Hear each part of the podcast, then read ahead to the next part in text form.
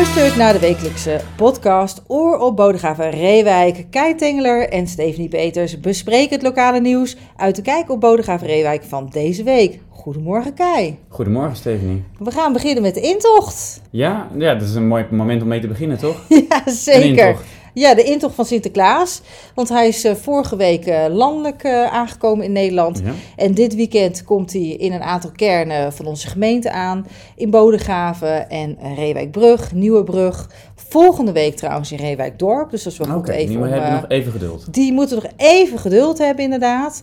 Maar in Reewijkbrug, het feest barst daar echt los. Hè, met Chocoloco, burgemeester, pepernoten, chocolademunten. En dat, ja, dat, dat wordt echt een feest voor die kinderen. Geweldig. En dat allemaal in en rond Zalencentrum De Brug. Eh, bij mooi weer is het buiten, bij slecht weer gaan ze naar binnen. Ja, ik zou bijna zeggen, we gaan zelf ook even een dansje wagen. Even een handje geven. Even een handje geven aan Sinterklaas. En zullen we dan nu verder gaan naar het politieke nieuws? Dat is goed. Ja. Het gaat ook over munten. Het gaat, ook, gaat zeker over munten. Helaas geen chocolademunten. Dat, Geen eh, chocolademunten.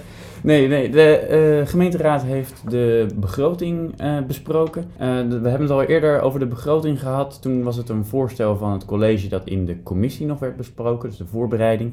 Daar is de meeste inhoud en de grootste verrassingen zijn daar al wel naar voren gekomen. Dus het ging nu vooral over de inbreng van partijen, en met name de oppositiepartijen, wa- wat ze nog wilden aanpassen. Dus met amendementen en moties gingen zij aan de slag om de begroting nog een beetje naar hun hand te zetten. Ga je ook nog uitleggen wat een motie in een amendement is? Natuurlijk.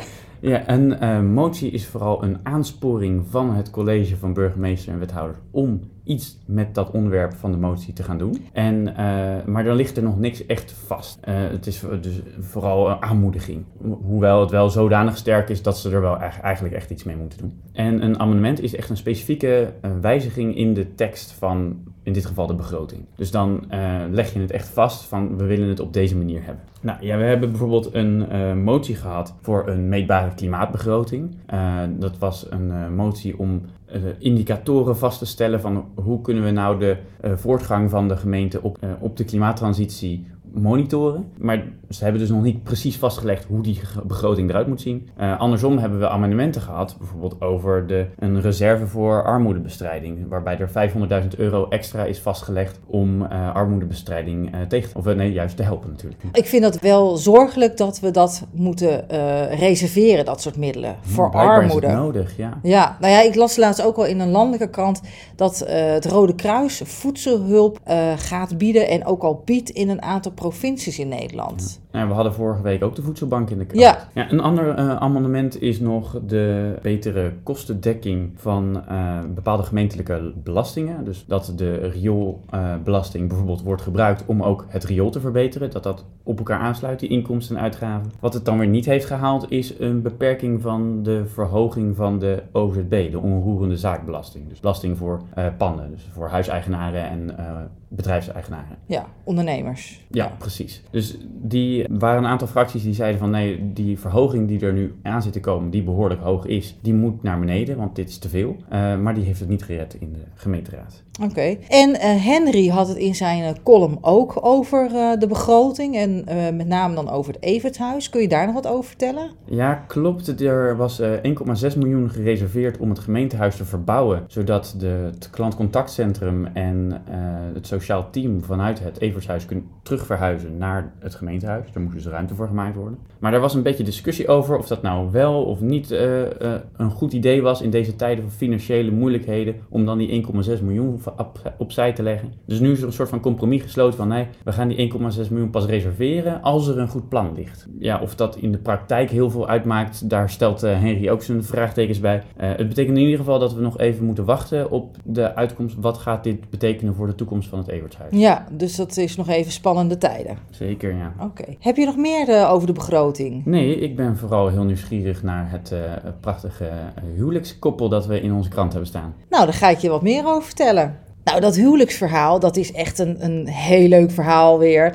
Dat gaat over Henk en Jannie, eh, die elkaar hebben ontmoet op de dansvloer. Eh, maar, eh, en dat was tijdens een feest van de wielerclub in 1960. Maar het aparte is dat ze allebei al een verloofde hadden. Maar de een die kwam niet opdagen en de ander kon niet dansen. En zo zijn ze met z'n tweeën op de dansvloer beland. En toen sloeg de vonk over. Oeh, dat is uh, pijnlijk. Ja, dus voor die andere mensen. ja, voor, je, voor het advies voor mensen die verloofd zijn. Leer dansen of eh, kom opdagen op een feestje. En eh, nou, wat ook gewoon heel erg eh, grappig was... is dat vriendjes en vriendinnetjes en dus ook toekomstige vrijers... die werden gekeurd door de broers en zussen. Oké. En ja, dat van Jannie dan. En dan ging dan als volgt dat de nieuwe vriend of vriendin werd dan op een stoel gezet naast de buffetkast. De broers en zussen die liepen daar dan langs en die stelden dan vragen als kun je bier drinken, lust je een borrel, kun je klaverjassen? nou, en nagelang de antwoorden eh, werd je dan eh, goed of afgekeurd. Maar goed, eh, dit huwelijk hou- houdt al 60 jaar stand, dus dat Ja, is wel... Hij heeft de goede vragen, ge- hij heeft de goede antwoorden gegeven. hij heeft zeker de goede antwoorden gegeven. Dus dat is wel, wel heel erg leuk. Dus ik zou zeggen, lees het vooral, het verhaal. En ja, dan, dan nou ja, ben je helemaal op de hoogte van Ja. hoe het kan ontstaan, zo'n liefde. nou, dan zijn we een beetje aan het einde gekomen. Dan gaan we nog even naar de agenda. Wat hebben we voor leuks te doen? Nou, en dan kijken we dus niet naar deze week, maar naar volgende week. En dan zie ik onder andere op zaterdag 26 november dat we een parkrun hebben in de Reewijkse Hout. Iedereen die kan eraan meedoen, dus van 9 tot 10 gezellig met elkaar eh, rennen. Maar geloof dat je ook eh, kan wandelen, dus eh, ook al ga je niet zo hard, dan kan je toch lekker bewegen. Er is ook een verkoop zaterdag in het Streekmuseum eh, Reewijk. Ze verkopen een deel van hun collectie. Een optreden van concert Kamerkoor Coro Doro. En een optreden van Jody Moon in het Evertshuis. Nou, is genoeg toch om je mee eh, te plezieren? Ja, nou ja, eh, meer agendapunten staan op kijkopbr.nl en dan de agenda. Nou, dit was het voor deze week. Dit was de podcast van Kijk op Bodegraven Reewijk. Meer nieuws op kijkopbr.nl. Volg Kijk op Bodegraven Reewijk ook op Facebook, Instagram en Twitter. En abonneer je op deze podcast. Zeker weten. Tot volgende week. Tot volgende week.